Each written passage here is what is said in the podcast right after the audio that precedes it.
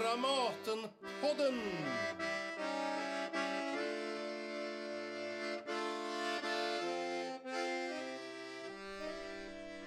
Ja, varmt välkomna ska ni vara till Dramatenpodden där vi idag ska få höra det sista samtalet i serien Kvinnan på scenen. Just det här samtalet med rubriken Sex och sorg. En rubrik inspirerad av dramatikern Tennessee Williams som är aktuell på Dramaten den här våren och senast genom Stefan Larssons hyllade uppsättning av Linje Lusta. Men det är också en rubrik som de senaste veckorna fått en direkt spegling i verkligheten genom den dokumentär om artisten Josefin Nilsson som sänds i SVT. Så vi tar oss till Dramatenbaren där jag, Anneli Duva, torsdagen den 4 april just är på väg att presentera kvällens gäster. Och vi börjar genom applåderna med Pernilla August. Du är ju välkänd förstås. Jag tänkte också säga att du är född på 50-talet. Det är lite roligt för vi har liksom en, ett decennium var här. Eh, och eh, du har ju gjort jättemånga stora roller såklart, både här på Dramaten och på film och i TV, ofta i regi av Ingmar Bergman. Du har också regisserat själv, bland annat eh, De oroliga, baserad på Linn Ullmans roman som man nu kan se på teatern och där även Rebecca är med i en roll. Du har också regisserat på film Den allvarsamma leken och Svinalängorna. Mm. Du, och jag sa det att du är född på 50-talet. Ja, jag, jag är född på 50-talet. Ja, ja. Vi har Agneta Pleijel som är född på 40-talet. Alltså, hon sa 40-talet och inte 70-talet. och, eh, och du är också väldigt välkänd förstås, författare och dramatiker, poet. Du har även en bakgrund som kulturchef på Aftonbladet. Och dina två senaste eh, böcker är ju självbiografiska, eller har en självbiografisk grund. Spådomen, En flickas memoarer och eh, Doften av en man, som är den senaste. Sen tycker jag också att jag gärna vill nämna den här eh, eh essäsamlingen Litteratur för amatörer som kom för några år sedan, som jag också rekommenderar för den som inte har har sett den. Jätteroligt att du är här. Du har varit här en gång förut. Välkommen tillbaka. Rebecka Hemse, född på 70-talet. Verksam på Dramaten sedan 15 år snart, eller hur? Det börjar närma sig det, va? Någon gång i början av 2000-talet? Ja, 2004. Ja, 2004. Ja, ja. Och du har... Ehm, du fick ditt stora genombrott i Malmö. Det gjorde Vedekins Lulu på Malmö Dramatiska Teatern när du bara var 19 år, eller hur? Ja. Så du har också ett långt yrkesliv faktiskt. Ja, det börjar bli ja. längre än vad jag, ja. kanske egentligen Läng, förstår. Längre än din ålder, om man säger det på ett sätt. och nu är du då både med, som sagt, i De oroliga, men också i Linje Lusta, där du spelar Stella Kowalski, alltså Blanche Dubois syster, som är gift med Stanley Kowalski. Stanley Kowalski som ju är den roll som Marlon Brando gjorde i den mycket, mycket välkända filmatiseringen. Eh, och jag tänkte börja med att fråga dig, Agneta Pleijel, som nu eh, har, har, sett den här uppsättningen. I, I förrgår vet jag att du såg den. Vad, vad du har för minnen och tankar kring Linje Lusta och vad som hände när du då såg den här nu i Stefan Larssons regi, ska vi säga. Ja, det var ju lite oroligt därför att eh, så många som älskade Marlon Brando så gjorde jag det också. Och, och Linje Lusta präglades väldigt mycket av honom. Eh, och, och, och, han var ju en lysande skådespelare. Han var också en väldigt snygg karl. Eh, och det, det satte sig ju när man var ung och såg den. Eh, så jag var ju lite orolig för att jag inte skulle kunna utplåna denna bild. Men jag får säga att uppsättningen av Linje Lusta här tog väldigt snabbt bort uh, den bilden därför att uh, jag tyckte mycket om föreställningen och jag tycker att skådespelarna fyllde sina roller på nuplanet uh, väldigt fint så man blev upptagen av vad de gjorde och inte av gamla minnesbilder. Mm, mm. Vad säger du Pernilla August, som du var på premiären i fredags? Nej men jag håller nog med. Jag var också sådär, jag tänkte gud hur ska de... Det är ju sån mytomspunnen film. Och eh, jag hade nog också en oro för att jag tänker liksom, håller den här pjäsen idag? Är den inte gammal? Och sen så blir man fullständigt knockad av hur den håller och hur aktuell den är. Alltså, jag minns inte ens från filmen att det liksom var en våldtäkt. Mm. Jag kommer inte ihåg det. Jag var helt uppfylld av liksom Marlon Brando och av hennes lite på något sätt koketta galenskap i filmen. Som Vivian var, Leigh. Mm. Ja. Så mm. att jag var, jag var väldigt drabbad måste jag säga. Mm. Jag tycker att det var, det var otroligt spännande att se en jättehäftig föreställning.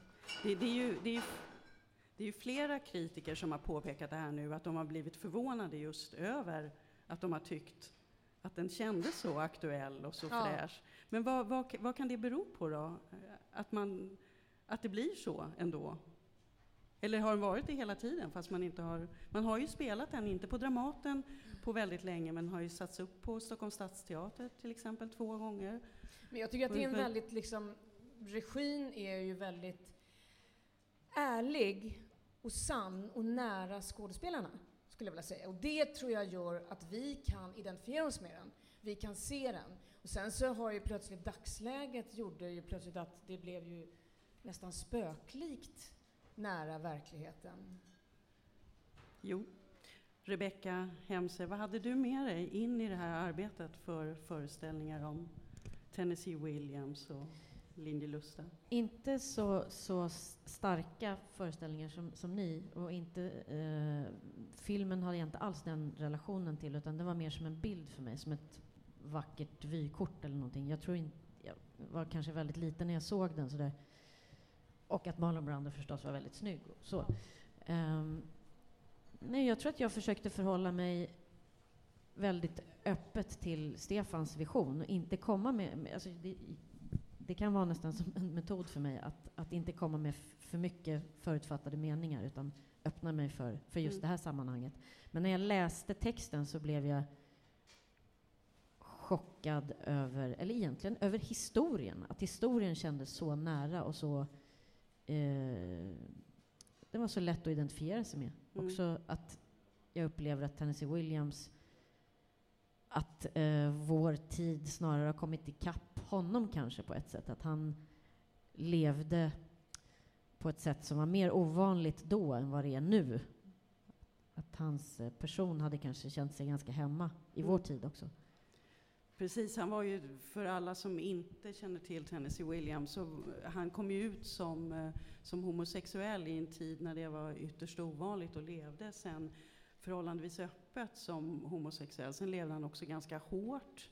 Han eh, både drack och eh, använde droger och hade ett väldigt eh, dåligt självförtroende faktiskt. Jag har läst en hel del om honom och det eh, det återkommer. Och han, när han blev jämförd med Arthur Miller någon gång av en journalist så, så, så, tyckte han själv att han påminde mycket mer om Marilyn Monroe som vid den tiden var Arthur Millers fru. Alltså det var på riktigt och det, det där kunde han utveckla som just hade med självkänsla att göra. En, en, en känsla av att aldrig, ingenting var någonsin riktigt bra, eh, tyckte han, som han själv hade gjort. Samtidigt så var han en arbetsnarkoman och skrev idogt som en iller varje dag ända tills han dog plötsligt av att han råkade svälja ett lock från en medicinburk eller vad det var, av otur. Ja, det är helt, det är helt märkligt. Men, eh, men så, så, han var en ganska sammansatt och, och intressant gestalt. Men när ni började med arbetet, du sa att Stefan Larsson, regissören, hade, hade en stark eh, vision som du tänkte att du skulle... Hur, hur var den då? Vi blir ju ofta väldigt praktiska när vi, när vi börjar jobba. Eh, och hans idé med att ha med en kamera var väl det som var det, det, det, största greppet, eller man ska säga. Och att det berättade väl för mig att han ville komma väldigt nära oss.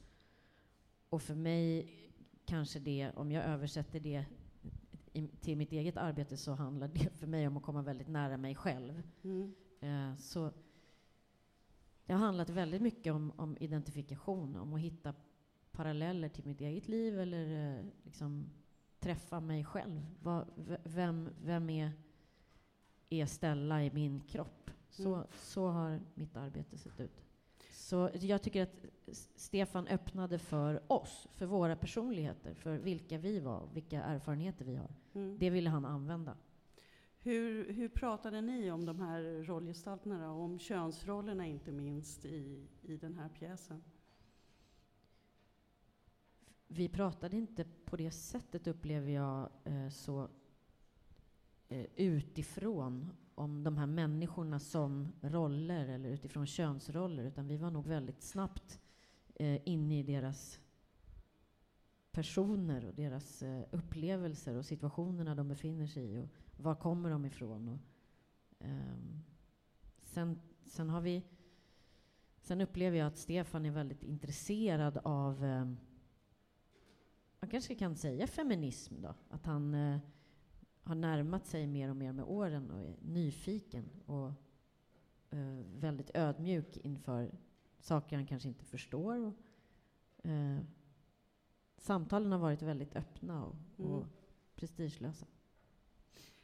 Men eh, när, ni då, när det blev som det blev, att eh, verkligheten så att säga hann ikapp er, eller verkligheten trängde sig in med det här som hände utanför huset och ni var precis i, i premiärveckan e- egentligen.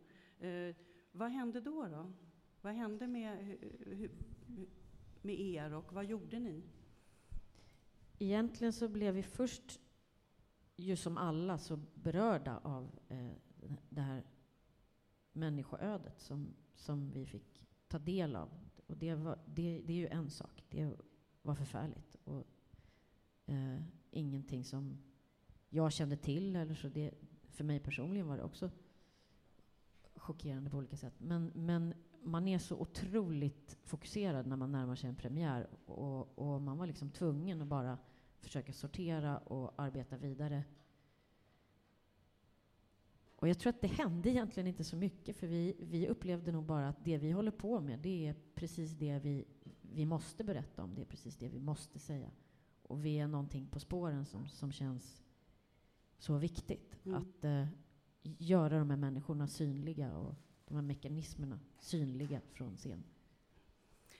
Eh, Stella, som du spelar, eh, hon blir ju misshandlad av sin man, precis som Josefin Nilsson då blev misshandlad av den här eh, skådespelaren. Eh, men hur, hur, hur, gör man, hur gör man med det där? Eh, för att gå in i och förstå det här att hon, hon älskar honom ju också. Det är ju just det är en variant på vår rubrik sex och sorg, eller sex och kärlek, våld och kärlek. Mm.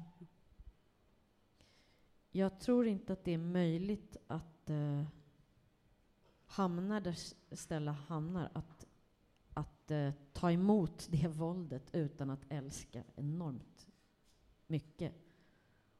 Och sen är det ju varje människas historia. Varför, varför eh, man öppnar sig för den kärleken som skadar en.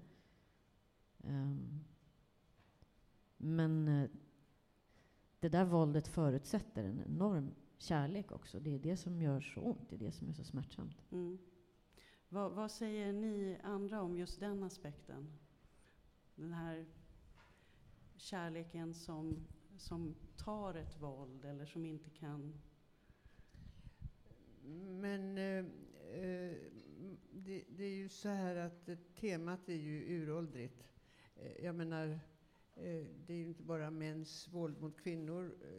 Men våldet finns hela tiden och överallt. Och, och i mellan könen har det ju funnits och accepterats i väldigt hög utsträckning. Och jag tror att vi alla numera vet att eh, en våldsman eh, eh, alltså, det är ju lite grann som eh, ett beroendeförhållande med sprit. Alltså alkoholisthustrun. Man, man, man stannar ofta hos en våldsverkare, särskilt om man älskar honom. Därför att man ändå, ändå hoppas på att det här ska förändras och att man själv ska komma, komma i paritet med den andra. Så, så jag tycker inte det var särskilt konstigt. Jag tycker, eh, eh, sen kan man ju eh, säga kanske, eller det kanske man inte kan säga, men man kanske kunde säga att, att det är lite eh, lite tidsdaterat på det sättet att det var mer accepterat på när, när pjäsen skrevs Mm. än vad det är idag. Eh, men det, det, det är väl det enda man kunde säga då om att pjäsen skulle ha åldrats. Och sen så visade det sig ju att den har ju inte åldrats. Eh, utan detta förekommer och, och det är ju en sak som det tigs väldigt mycket med. Ja, nej, vad var din fråga? Men, vad, är, vad är det jag har svarat på nu Det var då? en aspekt. Aspekt. Jag sa en aspekt. Jag Nej, men jag tänker som du också, Ja. det, där, det där, det finns ju, det är ju så, det tror jag vi alla känner någon som har känt någon, eller så har man varit där själv. Just det här att med mig så blir det annorlunda. Den här gången kommer det bli annorlunda. Alltså det, jag vet inte riktigt vad den kommer ur, men jag kan känna igen den, jag kan förstå den. Och det som Stella har, nu kommer det bli annorlunda. Ja, men och, den, och längtan efter förlåtelse eller förståelse eller Mm. försoning. Och man kan, man, känslan är att man bara kan få upprättelse av den som har eh, åsamkat den skadan. Liksom. Att det, man måste befinna sig på brottsplatsen hela tiden för att lösa eh, det förfärliga. Mm. För att eh, det är bara den person som har gjort mig så illa som också kan ta bort det onda. Det tror jag man kan känna igen i så många olika sammanhang, från relationer överhuvudtaget mellan människor. Men sen kan man väl också tillägga att de här två människorna faktiskt tycker väldigt mycket om varandra. På, verklig, på riktigt alltså. Mm. Och det spelar ni ju fram väldigt bra. Det finns en lekfullhet i det, ett samförstånd en, eh, som, eh, som ju inte alls gör det konstigt att de är ihop med varandra. Nej, och det, det kändes viktigt att det fanns med också, för det är klart att det finns en massa olika sorters relationer som innehåller våld, men det som är absolut svårast att förstå, det är ju hur man kan tycka om någon som gör illa en. Mm. Och det eh, är väl någonting som, för mig går det väldigt lätt att applicera på det att vara barn och växa upp. Och att vara beroende och älska sin förälder och vara mycket svagare. Mm. Och som kvinna så är man ju oftast fysisk, fysiskt svagare på samma sätt som barn är fysiskt svagare än sina föräldrar också. Eh, så jag tycker att det finns paralleller där också. Mm. Det, är ju, det är ju två systrar i den här pjäsen, Blanche Dubois och Stella, som ju då har hetat... Eller Blanche kan i och för sig ha fått sitt namn från den här första mannen, det vet man inte riktigt kanske. Nej, Stella Ja. hette Dubois, Hon för gjorde det Blanche då, så- frågar Ja, efter det. Stella Dubois. Dubois, precis, det börjar ju så. Men och, och Blanche och Stella, det finns ju en klassaspekt också. De har vuxit upp på en herrgård. Det refereras i alla fall till det som en, som en herrgård. Och nu bor Stella med denna Stanley väldigt enkelt. Och Blanche kommer dit med sina maner. Hon är skollärarinna, bildad, vill gärna svänga sig med lite franska och så. Om hon. Och samtidigt så är hon ju en djupt olycklig person av, av eh, olika skäl. Den här, eh, hon är ju väldigt intressant, Blanche Dubois, som, en, som just en kvinna på scenen, en klassisk kvinnoroll. Vad, vad tänker ni om henne? Åh gud. Mm. Nej, men hon har alltid varit en sån här drömroll tror jag för alla skådespelerskor. Man, man liksom, det är en sån här roll som man vill spela. Varför då? Mm. Därför att hon har så många dubbla sidor. Hon leker, hon går ju, hon liksom har ett, liksom spelar sig fram på något sätt. För det finns det djupaste djupet och jag vet inte. Men jag tyckte det var så otroligt kul, nu hoppar jag rakt över till Stella, ja, för det ja, är så roligt, det var så kul. För henne minns jag också som en sån där liten bifigur som man inte fick kontakt med. Och plötsligt här i er uppsättning så Mm. är ju hon, det blir verkligen en, en, en balansbräda mellan, mellan eh, Blanche och Stella. De blir så, hon blir så tydlig och så viktig, Mm. som är underbar. Men det är väl därför det är, man vet aldrig var hon är, Blanche. Det är väl det som är en bit som är spännande tror jag. Mm. Vad säger du Agneta Pleijel? Vad har du med dig för Blanche-bilder? Nej, men jag håller med om det, Mm. att, att i eh, den gamla filmen så, så försvann hon ju delvis, men man tyckte det var en präktig... Eller du menar Stella försvann? Ja, Stella försvann ja. då. Mm. Eh, men eh, det här får, eh, jag kommer att fundera en hel del på hur det var med de där systrarna. Vad de har haft för relation tidigare. Vad den där herrgården egentligen var för någonting. Det är ju uppenbart så att Stella har stuckit därifrån. hon vill inte vara i den här familjen och i, på den här herrgården. Och sen är ju historien den att Blanche på ett eller annat sätt har, har förskingrat egendomen, eller den har i alla fall försvunnit medan hon var kvar på herrgården. Och vad som hände med föräldrarna får man ju inte veta. Det är väldigt mycket man, man skulle vilja veta om de här systrarna och deras uppväxt.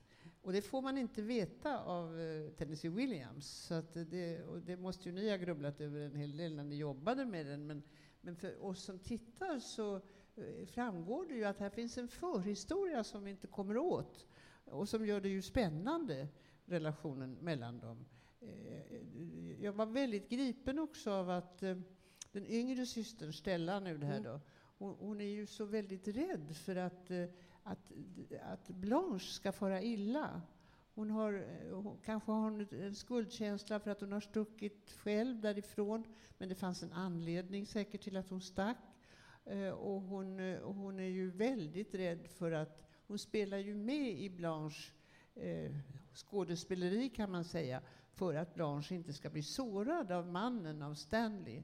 Eh, den syskonsolidariteten eller lojaliteten grep mig Eh, för jag förstod den så bra. Mm. Och även eh, mycket kort ögonblick när man förstår, fast det sägs inte i pjäsen, man förstår att Blanche har berättat för Stella att hon har blivit våldtagen av Stanley.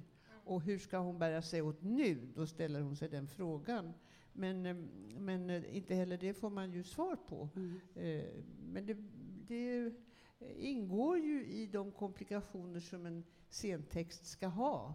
Alltså som är mat för fantasin. Det är det som är så underbart tycker jag. Att man, att man inte, just att man inte vet riktigt var de kommer ifrån och att det också skapar en sån fantasi. För jag börjar tänka på att nej men de har levt i ett luftslott. Mm. Alltså det där är en pytteliten herrgård. Mm. I min fantasi. Om det ens är en herrgård. Det, alltså, men om ja. det än är en herrgård, precis. Men de har levt, liksom, byggt de här drömmarna och, och, bland, Stella har på något sätt kommit ner på jorden ändå lite grann, men hamnat i det här äktenskapet istället, medan Blanche har liksom fortsätter i sin fantasi och sitt luftslott. Men man ser dem väldigt tydligt framför sig som barn, tycker jag. Hur de var, liksom, hur hon har parerat och tagit hand om sin stora ja, syster. Ja, just det. Just du, det. Väldigt fint. Och då måste det ha funnits någonting hos Blanche som var väldigt ömtåligt från början, mm. eh, tänker jag. Mm. Eh, och som Stella har sett. Och, och, och, hon har stuckit därifrån och hon kanske faktiskt tycker att hon har kommit till något bättre. I alla fall något uppriktigare. Tänker jag mig. Jag blir, bara, jag blir helt gråtfärdig för att ni berättar liksom, vår vår, det är som att ni har tagit er in i, i våra huvuden och i våra hjärtan. Du vet inte att vi har det? ja. uh, nej, men det är precis det här vi, har, vi håller på med. Och vi har faktiskt inte använt så mycket ord, utan det har varit en väldigt intuitiv process. Mm. Men vi har systrar, jag och Olivia. Det tror jag har varit en förutsättning. Och vi har vuxit upp i närheten av eh, psykisk ohälsa, tror jag också. Och då behöver man inte säga så mycket till varandra, utan då kan mm. man uh, bara uppleva de här situationerna. Mm. Men, ja, var, var du på väg att säga något? Ja. Eller? Nej, men för en aspekt just med den här uh, rollgestalten, Blanche Dubois då, framför allt, är ju att hon har ju också varit sådär traditionellt väldigt, väldigt kvinnlig. Alltså hon är ju väldigt, roll, rollen är ju väldigt besatt av sitt eget utseende. Det finns ju inskrivet i, i texten. Och det där är ju också någonting som är intressant om man pratar om det här med kvinnan på scenen. Mm. Jag formulerar en fråga till er som var ungefär, när, vid någon punkt som skådespelare, när har ni liksom blivit väldigt medvetna om ert eget utseende? Är man inte det från början, ja, om man har ja. fötts till det här könet? Alltså, jag upplever inte... Det är klart att det har man ju med sig från början, mm. men kanske mer på film än på teater. För på teater så sitter du... Alltså du speglar dig inte på samma sätt i ditt utseende som du gör på filmen. Och, uh, vilket är väldigt skönt. Mm. Eh, där, därför att du sitter i logen och sminkar dig, men sen går du in på scenen och då har du alltså de du spelar med och det materialet som du arbetar med. Mm. På filmen är det ju mera dutt eller dutt. Då blir man ju hela tiden påminn om att någon ska dutta på en och man ska vara där. Så, men jag tycker det, jag har lite sett det som min egen uppgift för mig själv att inte tänka, att försöka, kanske naturligtvis tänker man på det, det här håller vi på med hela tiden, men att inte hamna under min fåfänga, att fåfängan får inte styra Mm. mitt rollarbete. Och, och det har varit jätteviktigt för mig hela tiden, att det, jag måste vara modig och inte låta den där fåfängan som vi har, att den får inte styra, utan det måste vara människan som jag går in i och som jag klär på mig. Mm. För, Det förstår ju jag väldigt bra i ditt arbete som skådespelare. Men jag tycker att i uppsättningen och i manuskriptet så finns det ju en lång, lång, lång kvinnohistoria som handlar om att flickor uppfostras till att vara till behag. Och om man uppfostras till att vara eh, till behag, det vill säga få bekräftelsen ur de andras blick och inte minst männens blick, då får man ju ett väldigt eh, skört inre. Eh, Man vet inte vem man är helt enkelt. Mm. Eh, Man, man måste spela fram den här rollen, annars är man förlorad. Och det tycker jag man ser i Blanche väldigt tydligt och det tycker jag att man ser i kvinnohistorien överhuvudtaget. Eh, och att eh, Tennessee Williams eh, har uppfattat det där, det där som du sa inledningsvis, Mm. att eh, han var en man av olika skäl med ett, med dåligt självförtroende gör ju att han kunde identifiera sig med kvinnor. Eh, vilket ju ofta eh, homosexuella män kan Mm. väldigt mycket. Eh, och, och det kunde han uppenbarligen. Han såg med... Och så är det frågan om då om man ska döma de här gestalterna för, för deras beteende. Men då tycker jag att det var mycket intressantare att se den här långa historien av kvinnlig identitet i, i pjäsen, i rollerna. Mm. Men vem är Stella då, då? Om man jämför som inte håller på på samma sätt som Blanche. Jag kan inte längre se, beskriva henne utifrån. Mm. St- st- Just, just nu för mig så är just Stella jag. jag är väldigt subjektiv. Mm. Men, men jag tänker på Blanche som en... ehm, också var, varför rollen är så, så fantastisk och rik, det är ju för att för mig så är det Tennessee Williams själv. Eh, och det är ju lite svindlande att han var man och att den kvinnorollen som är upplevd på något sätt genom en manlig blick blir så fri och så rik och så vild och allt det som har med, också med utseendet att göra är både sårbart men samtidigt en slags lek för Blanche. Alltså hennes eh, tiara och hennes utklädning och hur hon älskar sin garderob. Och hur Mm. hon, det är en orgie i liksom att, att spela. Mm. Men sen går ju pjäsen så småningom in i, det får man ju säga, så har jag uppfattat i alla fall, i en psykos eh, hos Blanche. Jag menar, hon förlorar kontakten med verkligheten. Eh, och, och, och då tänker jag om Stella, att hon måste ha haft en faktiskt större styrka med sig från början än vad Blanche hade. Ja, hon blir ju någon, någon, någon slags motsats. Mm. Eller hon måste för att balansera upp det här också. Hon har Apropå valt hur, sitt eget liv. Ja, och apropå hur hon är i förhållande till att vara kvinna och sin kropp och sitt utseende så har hon också behövt balansera upp det. Eh, att, vara, att vara förnuftig och på jorden och inte gå in i fantasi och dröm på det sättet. Mm. Eller förställning eller... Mm. Jag, jag börjar le för att jag bara tänker, gud, fantastiskt rik pjästext det är, när det bara Mm. Det känns som vi skulle inte behöva prata om någonting annat. Nästan. Men, men för att återknyta till den där skådespelar, er som skådespelare så vet jag att när jag intervjuade dig någon gång Rebecka så pratade du å ena sidan om det här Eh, med det här yrkets baksida, att man ständigt ska bli vald och ständigt är jämförd och ständigt är utsatt på det sättet. Å andra sidan så är skådespelaryrket den plats där man ska kunna förvandla sig och bli till vem som helst och vad som helst. Och det är ju egentligen en sorts paradox där i, i de två punkterna. Ja, verkligen. Det är ju på ett sätt hemskt att man först ska anstränga sig för att bli vald och sen är man fri. Liksom. Sen ska du vara fri. sen ska du vara fri, ja, just det. Men, men känner du igen det, Pernilla? Skulle du också beskriva det på det sättet? Ja, eller jag vet inte riktigt. Jag känner att jag... Om jag bara drar det till mig så var väl kanske, tror jag, en av anledningarna till att jag började regissera. Att jag inte ville ha den här känslan av att bli vald, att utsätta mig för det. När man har tre ben att stå på så är det inte så farligt. Liksom, då känns det för att jag var rätt... Jag menar, man blir ju vald. Det blir ju männen också. Alla Mm. blir väl valda. Det är någon som vill ha med en i en pjäs eller en film, så blir man ju vald. Mm. Men jag tror att det var en av anledningarna att jag utvecklade regiarbete. Liksom, Mm. Att göra det. Mm. För då kan jag välja själv. Och det är väldigt kul att få göra. Men... mm, Ja, men och traditionellt har ju den här valsituationen har ju varit annorlunda för kvinnor jämfört med män eftersom det i världsdramatiken finns så oerhört mycket fler roller för manliga skådespelare i olika åldrar inte Ja. minst. Mm. Mm.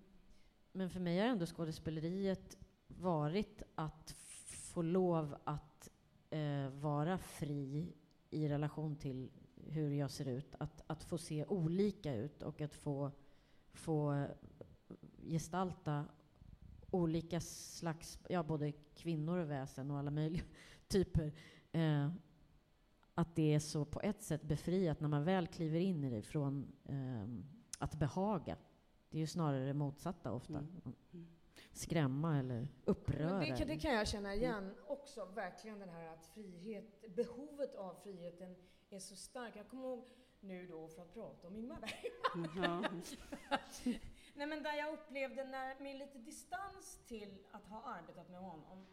För han var ju, alltså på något sätt så var han ju inte frihetens regissör. Han var ju väldigt tydlig med vad han ville, vilka gränser han skulle ha, hur han skulle vara. Ibland kunde det vara sådär att man sa, på det ordet ska du vända dig.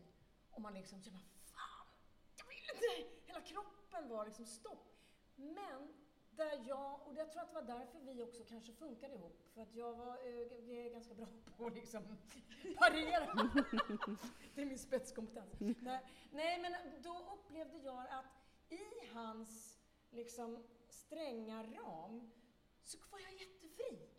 Men det var inte en frihet som var så här. Men jag kunde skapa min egen frihet i hans ram. Vilket var häftigt, tycker jag. Det var, Ja, men det är också att inte ta ansvar hela tiden. Det är ju Ja. att få eh, en plats där, där eh, det, det, om någon annan ger förutsättningarna och ramarna så, så behöver man inte heller bära hela ansvaret. Det Mm. finns en slags frihet i det också. Ja. Men sen är det att den här femme fatalen, eller vad vi ska kalla Blanche, den rollen eh, som jag nyss sa hade en så lång kvinnohistoria, den gränsar ju också till teatern och till leken och till spelet.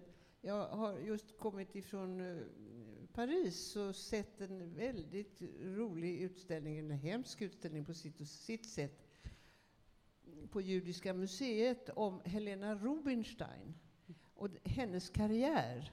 Alltså hon var ju då till exempel till, eh, till, tillsammans med Elisabeth Arden eh, två kvinnor som gjorde en enorm karriär på kvinnors utseende och på smink.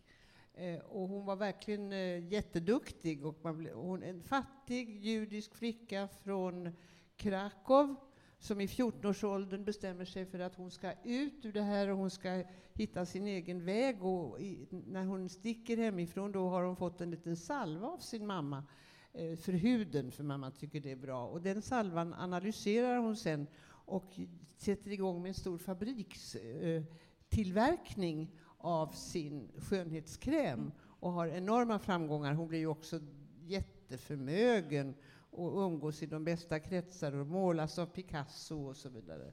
Eh, Det, eh, och i, i, i, I den karriären finns också, trots alla de här begränsningarna som det innebär, en, en väldig självständighet och en lek Mm. med utseende.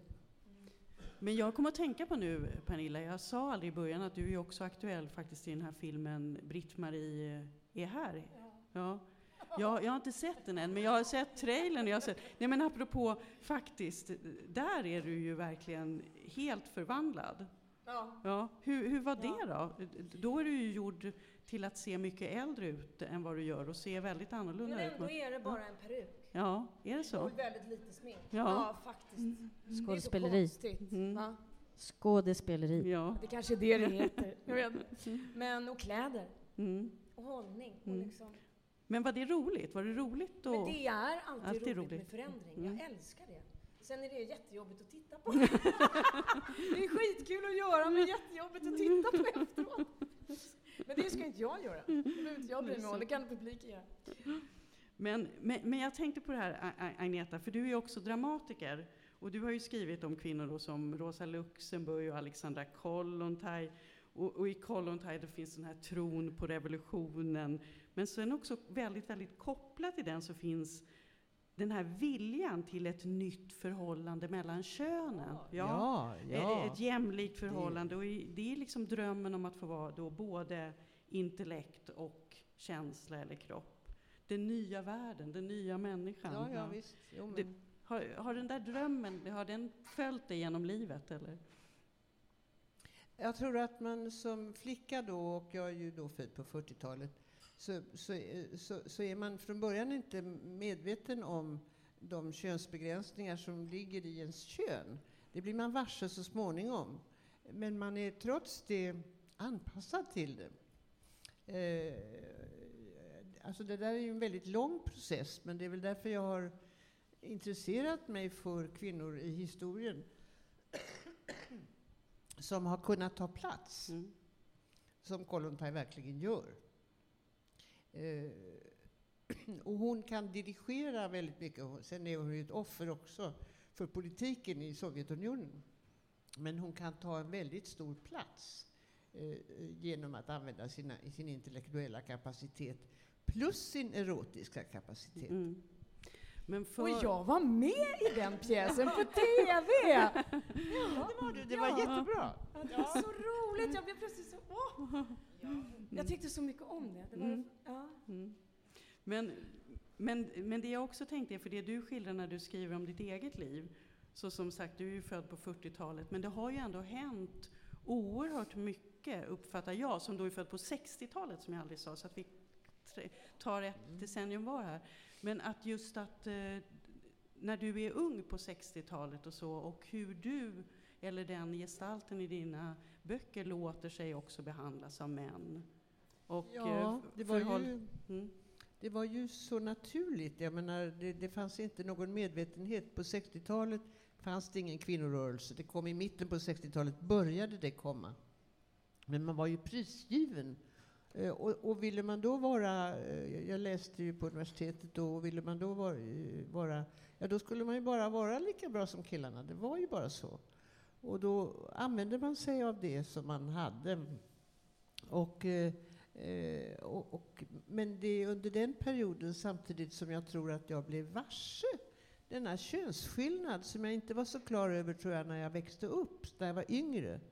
Eh, Då trodde jag att man var precis likadan, i stort sett. Mm.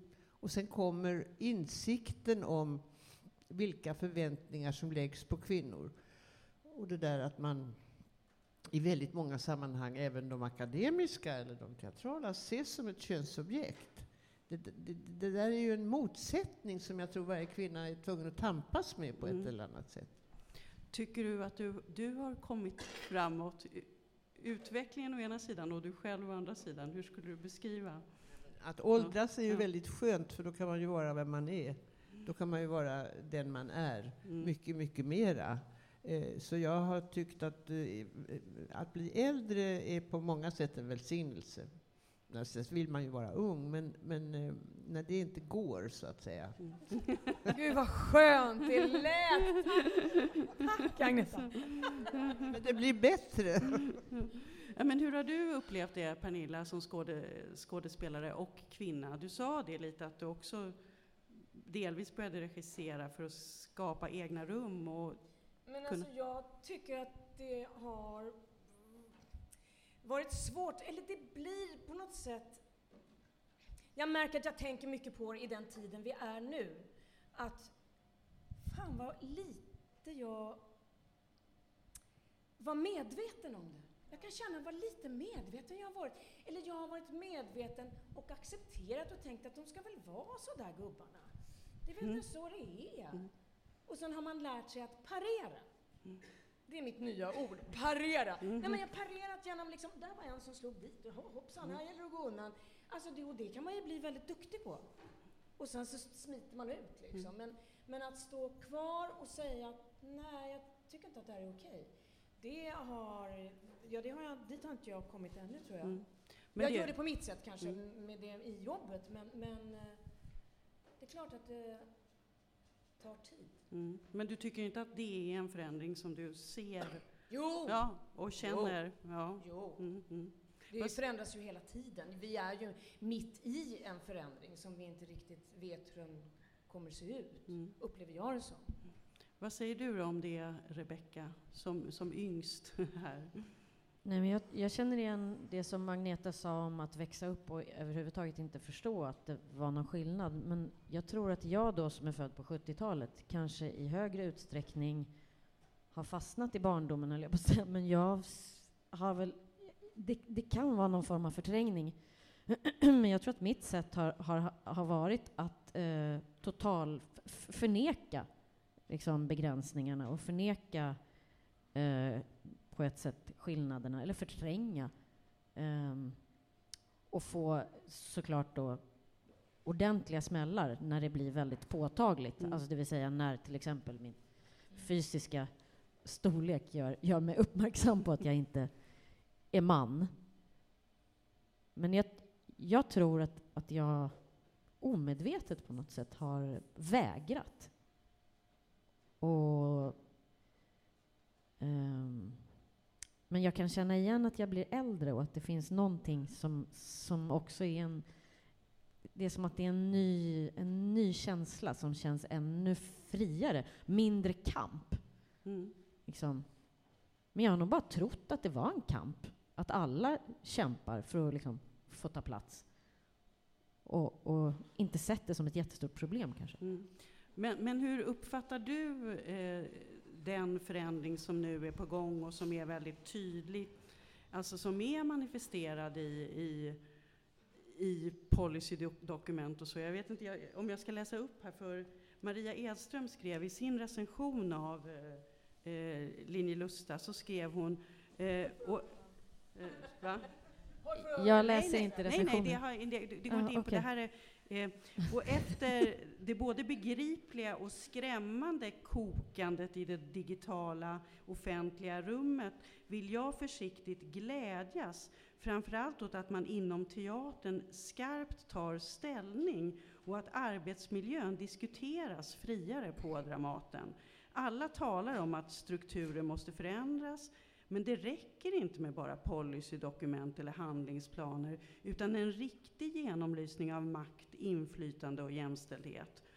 Utan, skulle jag poängtera, det blev lite fel. Och ett slags etos bör genomsyra en arbetsplats så att dokument och planer får verklig bäring och betydelse. Och när jag ser skådespelarna på scenen, så nära, så intima, i ett spel om kärlek och aggression, våld och sex, förljugenhet och klass, blir det så tydligt hur oundgänglig en atmosfär av trygghet och frihet måste vara i det arbetet. Så är det. Ja. Eh, jag har, tror jag faktiskt aldrig varit med om att man har behandlat den här typen av, av eh, svårigheter under en reprocess på ett så harmoniskt sätt Mm. som, som nu.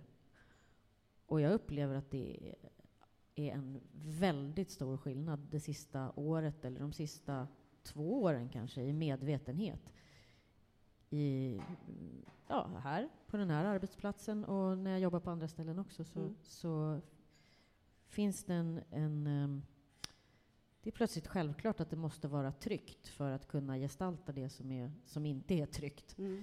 Ehm, och för mig kändes det som den där premiären på fredagen att få lov att... Eh, det kändes som att, att, ta bort någonting som hade suttit för munnen och äntligen få, få ropa ut vad jag tänker och vad jag tycker. För det är bara på det sättet jag kan prata. Mm. Eh, från scenen i, i mina gestaltningar. Så, mm. och det upplever jag, det är det vi gör här. Det vi, vi berättar och tar ställning från, från scenen. Mm.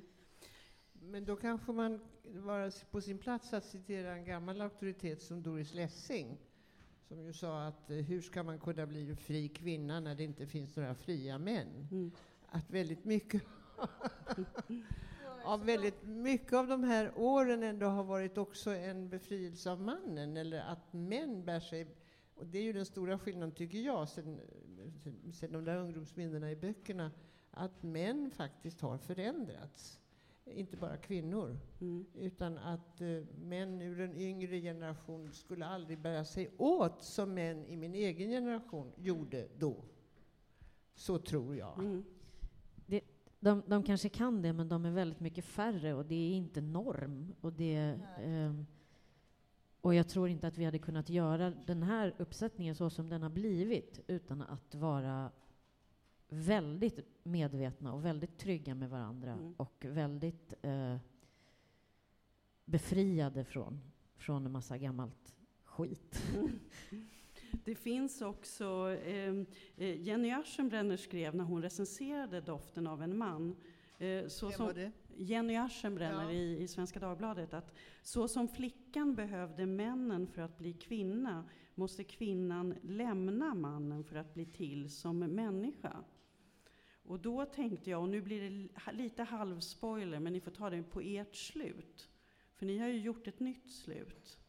Eh, och jag undrar, när, eh, hade ni det redan från början eller växte det fram att ni skulle göra slutet på det sättet? Ehm, jag, um, jag, jag, inte, jag, jag, vet inte hur, hur klar Stefan var, men det var definitivt, eh, det fanns ju där långt innan det här jättedebatten liksom, eh, briserade. Det går inte ens, jag tror inte ens att någon av oss har formulerat vad det där slutet är, mer än att det var outhärdligt att befinna sig där. Och vi måste ta oss ut. Mm. Och det blev ju ännu tydligare, såklart. Men eh, vi grät ju som små bebisar när vi, när vi upptäckte det där slutet tillsammans. Mm. Det var inte, tror jag, ett, ett intellektuellt val, utan det var bara ett, en nödvändighet. Mm. Det har ju funnits vissa synpunkter på det där. Även de som har hyllat det jättemycket har tyckt att man kanske kunde sådär ha behållit. Det här vill ju inte jag höra eftersom jag inte läser recensioner. Nej, men det spelar ju ingen, spelar ju ingen roll. Eh, jag tyckte, det var, jag tyckte det var underbart att få få det slutet. Jag kände att jag... Det är bara jag och Olivia ja, som går ja, därifrån. Det är ja. bara det som händer och det men, gör vi. Det men ni gör det tillsammans. ja, att, eh, jag, jag vet inte om jag tolkade som ni tolkade, mm. men det där slutet alltså när ni då kände jag att här går de ut ur sina roller och säger så här behöver det inte alls vara. Nu mm. lämnar vi detta. Mm. Eh, och det, och det, om det var så ni tänkte, jag vet inte, eller om det var så det var så vi gjorde, för att det, det, det är så smärtsamt att befinna sig där. Och det mm. kanske det inte alltid behöver vara. Det beror ju på var, vem man är och var man befinner sig i livet. Och jag tror inte alls att man alltid måste göra någon slags tydlig konklusion eller liksom säga att tada, det är det här vi menar. Mm. Det, det, är inte alls så, utan det, det, det var så vi kände oss. Och jag är så djupt tacksam för att vår regissör eh, kände det tillsammans med oss mm. och bara skjutsade ut oss därifrån. Mm. Vad, vad, vad, kände du Pernilla? Tyckte du om slutet? Det får ni inte säga nu. Får jag tillägga att man var ju lite konfunderad en stund innan man... Konfunderad är jag. Mm. Ja. Fast jag tycker ju om att de går ut. Mm. Jag tror man kan spela den där pjäsen på precis lika många sätt som det finns skådespelare i världen. Så. Mm. Jag tror inte jag vill värdera det överhuvudtaget. Jag vet inte hur slutet var på den pjäsen. I manus, det vet jag det, det är väl så att eh, Stella blir kvar? Ja, mm. så är det. Mm. Så det är ganska stor skillnad. Jag skämtade, för det finns någonting i det där slutet som, vi har skämtat om det, som man ju skämtar rått. Men det finns ju någonting som är att han nästan är hennes bebis, att han Mm. ligger liksom in till hennes bröst och eh, gråter eller lider. Eller, och hon Mm. tar hand om honom. Vi ska, vi ska börja avrunda, men jag tänkte den här rubriken eh, sex och sorg, så vet jag förra gången när du var med här, Agneta Pleijelo, pr- vi pratade om kvinnan och kroppen, så fick du läsa en bit ur din bok, eh, Doften av en man, som skildrar just eh, en period i, i berättarjagets liv där mannen hon lever med inte tycker om hennes kropp. Det var som en illustration till den här rubriken, sex och sorg. Kan du se att det finns en sån? Har du upplevt en sån förbindelse genom livet? Jag skulle vilja ta det lite Ja. mer allmänt eh, Ja. och säga att eh, Eh, sex, sexualitet, eh, erotik, eh, det är ju det mest intima området för alla människor, tror jag. För män som kvinnor. Jag menar det, och eh, där finns ju också, i det intimaste finns ju också de största smärtpunkterna. Jag menar sex och sorg, jag tycker det är en väldigt bra rubrik, för den, den, det, det ena går liksom inte riktigt att ha utan det andra. Eh, människoblivande, vuxenhet, alltihopa. Det är en, också en sorgeprocess. Det är en befrielseprocess, men det är ju också en, en sorts sorgeprocess. Man, man, blir, man, får, man accepterar vissa saker, andra accepterar man inte. Det är väldigt svårt att acceptera förluster i kärlek. Och, och där tror jag att kvinnan är, är mer utsatt än mannen. Ofta, män kan ju också uppleva förfärliga förluster. Eh, visst, men i kvinn, hos kvinnan ligger förlusten så nära hela tiden. Och det beror ju på de maktförhållanden som historien har etablerat kring eh, sexualiteten. Mm. Eh, så, så man kommer tillbaka till det. Nu vet jag inte heller riktigt om jag har svarat på din fråga. Det var egentligen en väldigt öppen fråga som mer var sex och sorg. Vad tänker du om det ungefär? Jo, men alltså, jag tror inte att man... eh, Mm. Det, det är, är i, runt sexualiteten som de största sorgerna finns. Mm. Eh, de- De största utmaningarna. Och, och att bli övergiven är förfärligt och att överge är också förfärligt. Men det finns hela tiden latent i, i där man är som mest oskyddad. Mm.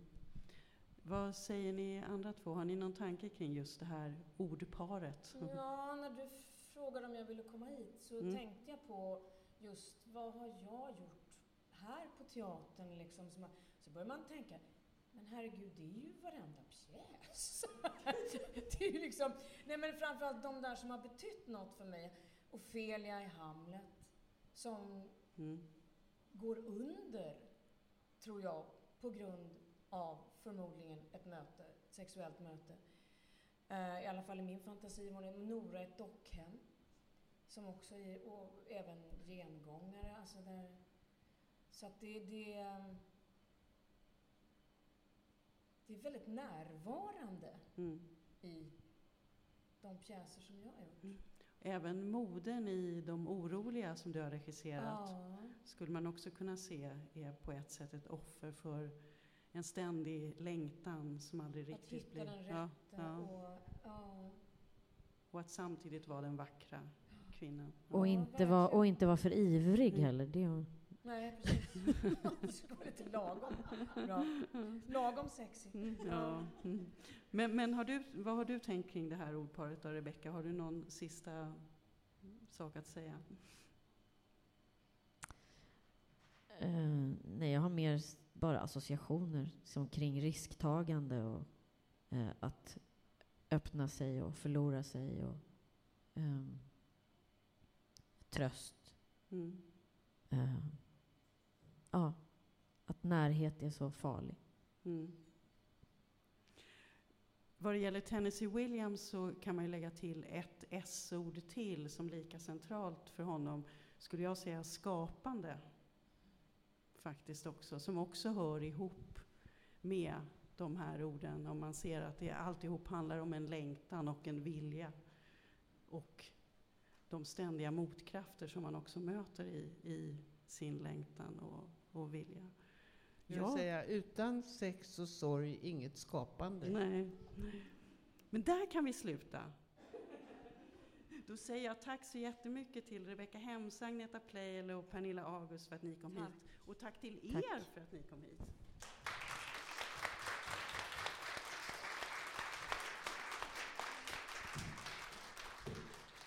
Och där lämnar vi Dramatenbaren för den här gången och för den här våren eftersom det stora Dramatenhuset nu ska renoveras. Men teatern stänger inte. Premiär på Elverket imorgon lördag är det för Selma Lagerlöfs Bortbytingen i dramatisering av Sara Bergmark Elvgren och i regi av Tobias Theorell. Och podden stänger inte heller. Hör oss igen om två veckor. Tack och hej. För vi gjorde en måne av silver